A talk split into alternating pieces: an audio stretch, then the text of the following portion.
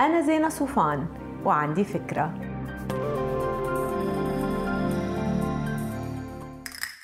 Hi.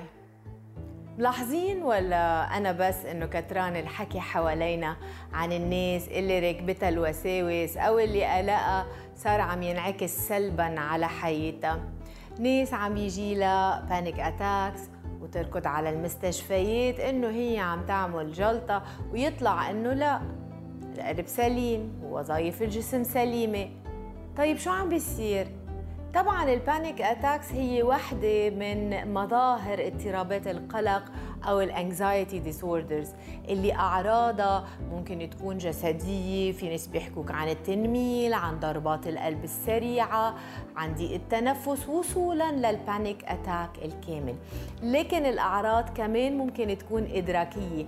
وهون عم نحكي عن الناس يلي بتلاقيهم مسيطرة على أذهانهم الأفكار السوداوية والصور السوداوية.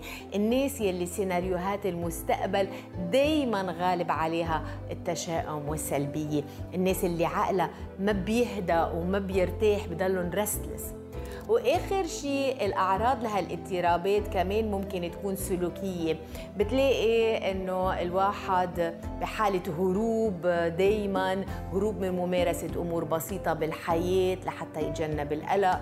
بتلاقي في ناس بطلوا يسافروا مرات ما بيسوقوا. لما بتنعمل خطة مع الأصحاب لنشاط بتلاقيهم بآخر دقيقة بيلغوا. واضح إنه هاي الأشياء كتير كترانه حوالينا. أنا طبعا مش طبيبة. عشان هيك اللي بحس إنه قلبه مش مزبوط أو جهازه العصبي في مشكلة يروح مباشرة لعند المختصين. بس لما أول وتاني وتالت دكتور يقولوا له ما في شيء خلص. يعرف إنه ما في شيء ويفتش على طريق تاني. والبداية هي سؤال لازم كلنا نوجهه لنفسنا. هل نحن صايرين عم نعيش أقل ونقلق أكثر يعني لما على الرغم من تطمينات الحكمة منلاقي حالنا قاعدين على جوجل عم نقرأ عن أمراض متهيأ لنا إنه يمكن تكون عنا. شو بنكون عم نعمل؟ غير إنه عم نغذي القلق اللي عنا وعم ندخل بلعبة خطرة مع دماغنا. انتبهوا أنا مرة تانية مش طبيبة لكني على مدى سنوات تابعت وقريت كتير عن هيدا الموضوع بكل الأبحاث والكتابات والتجارب وبالفعل الفعل الإيد إنه كلها بتخلص لأمور مشتركة. أولا إنه الشخص القلق لما يكون مستغرق بمشروع كبير أو بشغل أو بعمل محتاج تركيز أو عم يرسم لوحة فنية بتغيب العوارض المرضية عنه. وهون بديهي الواحد يفكر إنه داويها بالتي كانت هي الداء يمكن أمر مجدي. يا جماعة الفراغ عدو. الفراغ مش يعني بالضرورة واحد عم بيطلع على السقف. اللي بيشتغل شغل ما بحبه. ووقته الباقي بيقضيه هائم على وجهه على مواقع التواصل الاجتماعي. هو شخص عايش الفراغ بأسوأ أشكاله. وهون برجع وبقول اللي بقوله دايما. فتشوا عن شغفكم الحقوه لأنه رح يشغلكم ويبسطكم ويحسسكم إنكم منتجين أو مبدعين أو محبوبين.